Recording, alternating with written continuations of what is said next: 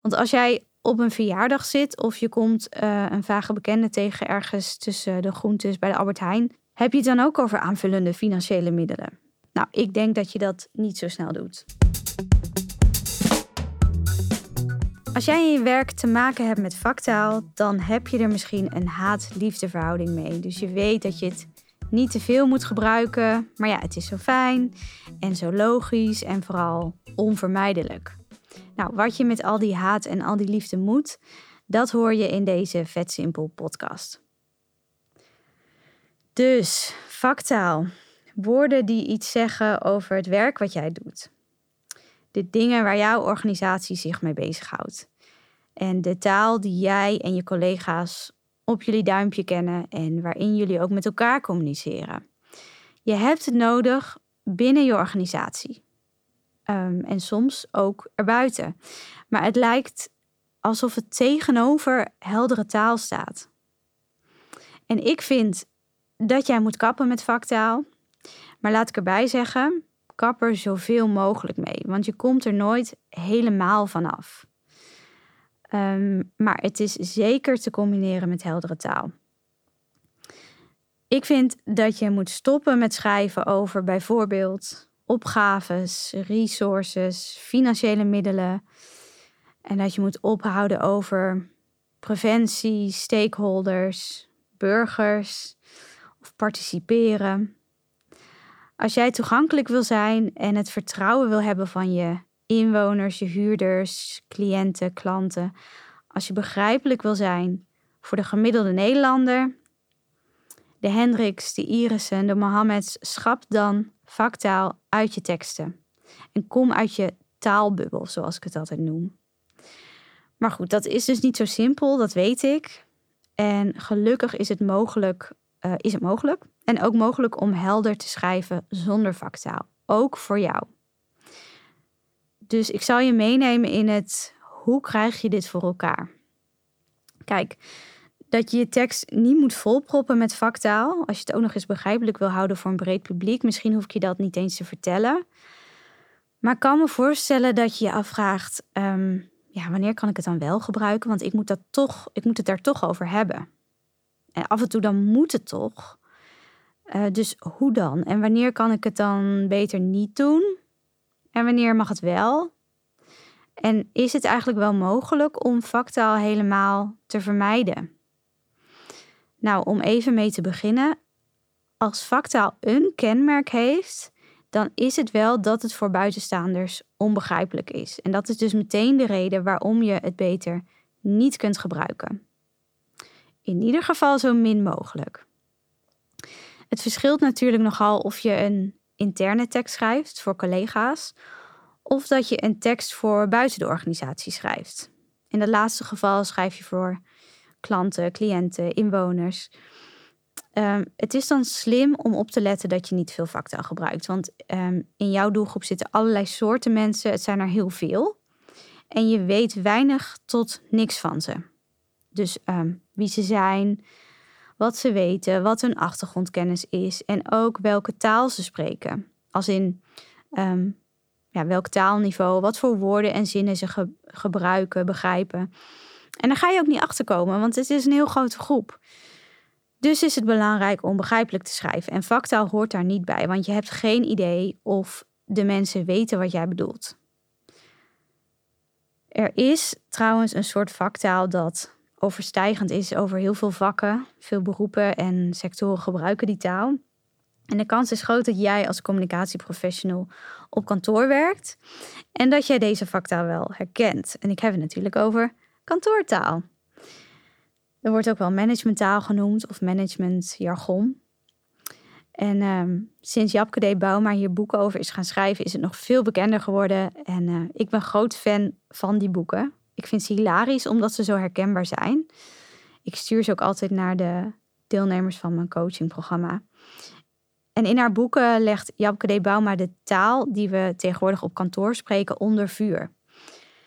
Ze heeft het bijvoorbeeld over lekker in je kracht staan, uh, iets tegen iemand aanhouden, een call hebben, ergens een plasje over doen. Dat soort dingen bespreekt ze met eigenlijk altijd de vraag: jongens, wat zeggen we daar nou eigenlijk mee en waarom zeggen we dit niet normaal? En ik kan me daar heel erg in vinden. Want waarom hebben we meetings in plaats van vergaderingen of afspraken? En waarom hebben we het over een aanvliegroute in plaats van een plan van aanpak? Waarom houden we dingen tegen elkaar aan en tackelen we elkaar? ja, hier hoor je dus ook af en toe Engels in terug. En ehm, onnodig Engels is ook een persoonlijke allergie van mij. Daar heb ik laatst ook een podcast over opgenomen met Michiel van der Blij. Die vind je wel terug in mijn podcastoverzicht. Maar goed, het probleem van dat kantoorjargon is dat mensen het letterlijk kunnen opvatten. En dat jij dit, ehm, als, als jij dit overneemt in bijvoorbeeld een brief, dan kunnen er misverstanden ontstaan. Want straks denkt iemand uh, bij wijze van spreken dat er een vliegveld in de buurt wordt aangelegd als je het opeens hebt over een aanvliegroute. Ja, je weet het niet.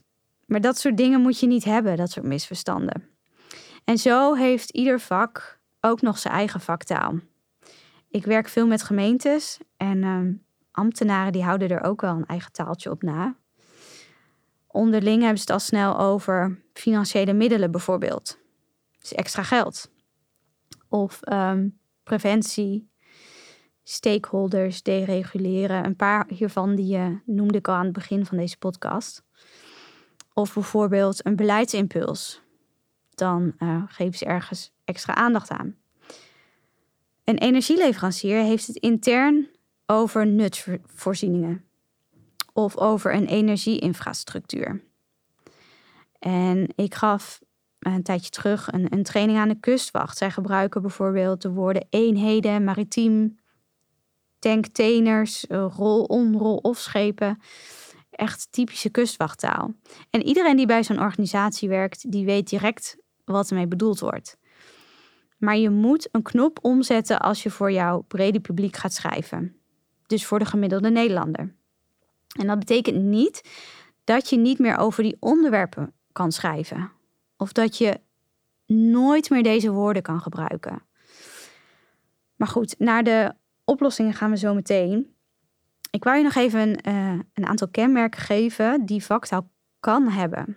Dus vaktaal heeft één of meer van deze kenmerken. Als eerste is het abstract, dus het is vaag en onduidelijk. En het kan ook ingewikkeld zijn, dus het is een moeilijk woord. Of het is overdreven, dus je maakt iets interessanter of groter dan het is. En wat je ook ziet is dat het um, figuurlijk taalgebruik is, dus je bedoelt niet precies wat er staat. En wat er wel staat, kan de lezer heel anders opvatten.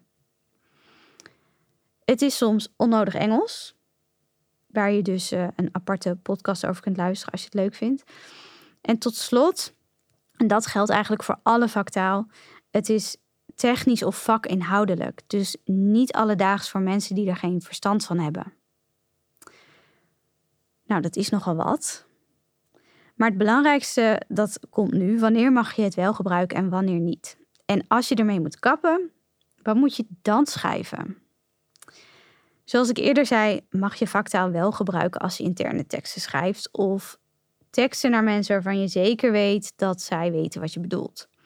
Ik zeg er wel altijd bij, ook voor interne teksten binnen je organisatie is het goed om begrijpelijk te schrijven. En vaktaal is een onderdeel van begrijpelijke taal, dus het is altijd goed om hierop te letten. Hou je elkaar niet voor de gek met een tekst bomvol vaktaal. En wordt het er niet beter op als je er wat uithaalt? Nou, soms niet. En uh, soms is het gewoon helemaal prima zo.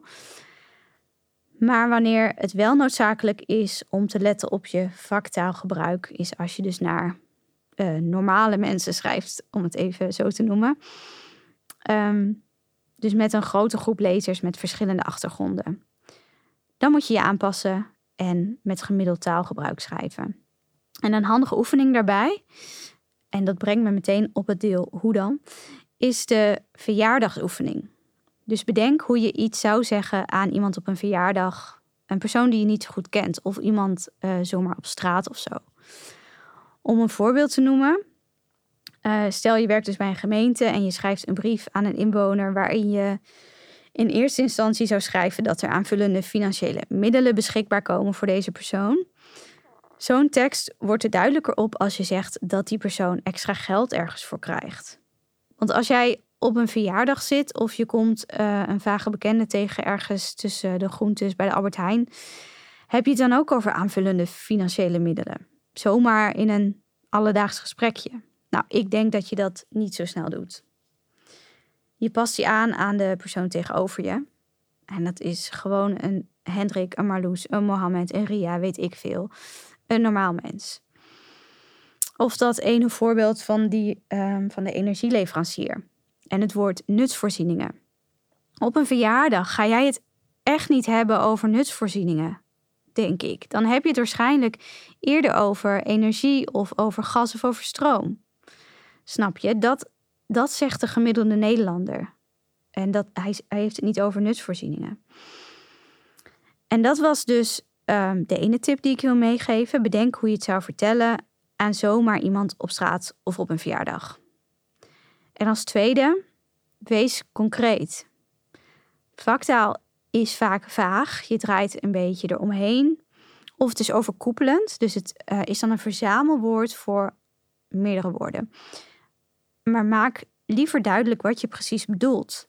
En dan zal je zien dat je um, ja, toch wat meer woorden nodig hebt. Want er is nou eenmaal niet altijd een synoniem dat precies hetzelfde betekent. Maar dat is dan maar zo. Begrijpelijkheid heeft soms gewoon wat extra aandacht nodig en wat extra woorden. En maak ook keuzes. Dus bedenk of je een vaktaalwoord per se moet noemen of dat je het ook wel weg kan laten. Dus durf daarin ook dingen los te laten. Het is echt zo'n schrijversmotto, hè? kill your darlings. Nou, dat vind ik een hele goeie.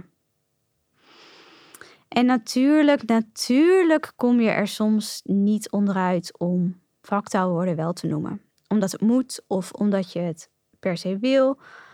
Of omdat het juist nodig is dat de lezer dat woord leert kennen. Dat kan ook nog. Zorg er dan in ieder geval voor dat je het risico ondervangt dat mensen de tekst niet snappen. Dus noem het woord en leg daarna uit wat het betekent.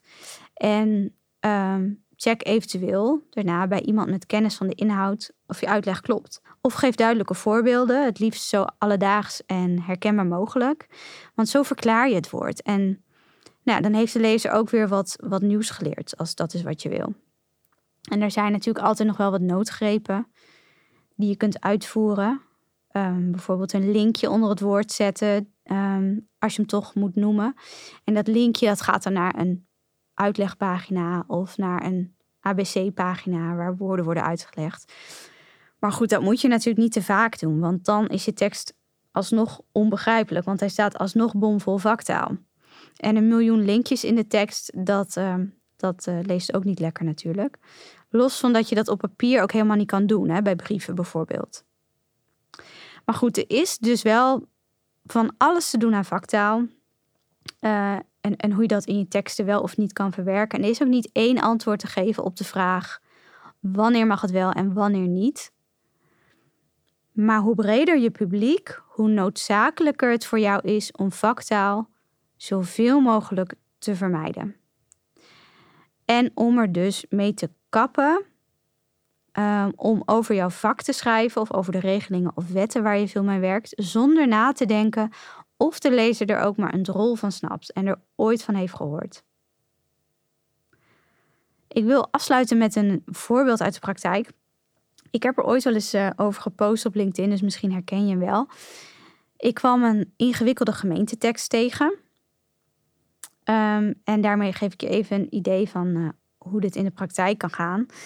Stel je voor dat je een vergunning hebt aangevraagd om een schuurtje te bouwen in je tuin. Uh, want je hebt allemaal rondslingerende zooi. Je hebt een schuurtje nodig. Moest je een ingewikkeld formulier voor invullen. En uh, dat was gewoon gedoe. Dus hopelijk was dat niet voor niets. En krijg je gewoon snel te horen uh, of of niet mag. Vervolgens valt er dan een brief op de mat. En ehm, dat is het antwoord van de gemeente. Dus jij met je ogen dat papier over. Maar ja, je wordt er niet wijzer van, want je leest dit soort dingen.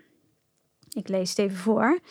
Voor het in behandeling nemen van uw aanvraag om een vergunning worden overeenkomstig de door de gemeenteraad vastgestelde leesjesverordening lezers in rekening gebracht. Dus jij denkt, wat? Wat zijn lezers en wat betekent overeenkomstig de door de gemeenteraad vastgestelde leesjesvordering. En dan is er nog een alinea, die klinkt zo. Op basis van uw aanvraag doet de gemeente, als er geen vooroverleg heeft plaatsgevonden, een haalbaarheidsonderzoek. Dat bevat een toetsing van uw voornemen aan het bestemmingsplan en eventuele ontheffingsmogelijkheden. Als hieruit blijkt dat wij medewerking kunnen verlenen aan uw voornemen, zal verdere toetsing plaatsvinden. Dus weer denk je, wat? Wat is vooroverleg? Moet je daarbij zijn of zo? Wat zijn ontheffingsmogelijkheden? En wat is mijn voornemen? Het gaat steeds over een voornemen. Is dat weer iets anders dan mijn aanvraag? Daar schiet je dus helemaal niks mee op. Want ja, of je nou mag gaan bouwen um, en wanneer en hoe, geen idee. Op zo'n moment sla je als gemeentemedewerker, als brievenschrijver de plank mis. Want je tekst mist zijn doel en die doet niet wat hij moet doen. De lezer snapt er geen rol van, want hij kent het proces van de gemeente niet en dus ook niet de vaktaal die daarbij hoort, zoals leesjes en ontheffingsmogelijkheden. Dus het begrip van die lezer is ver te zoeken, dat is al één. Ehm, en daarnaast kan het zijn dat deze persoon aan de lijn gaat hangen, dus gaat bellen, om verduidelijking te vragen. En dat kost de gemeente weer extra dienstverlening, dus uh, extra klantenservice. En dat kost allemaal weer tijd en geld. En een situatie als deze moet je niet willen. Het vervangen van vaktaal of het uitleggen ervan, dat voorkomt uh, dit soort onnodige dienstverlening en onbegrip. En dat maakt je toegankelijk voor een grote groep mensen.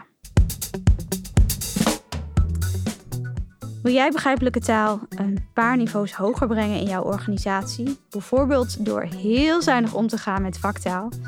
Laat me je dan helpen. Via mijn 1 op 1 coachingprogramma van een half jaar of mijn groepstraining. Als je kijkt op vet-simpel.nl met een middelstreepje en geen laagstreepje, dan kun je een gratis videogesprek aanvragen. Het kost je niks en dan kom je erachter hoe jij veel toegankelijker kan worden voor jouw doelgroep. Leuk dat je luisterde naar deze Vet Simpel podcast. Vergeet je niet te abonneren. En tot de volgende keer.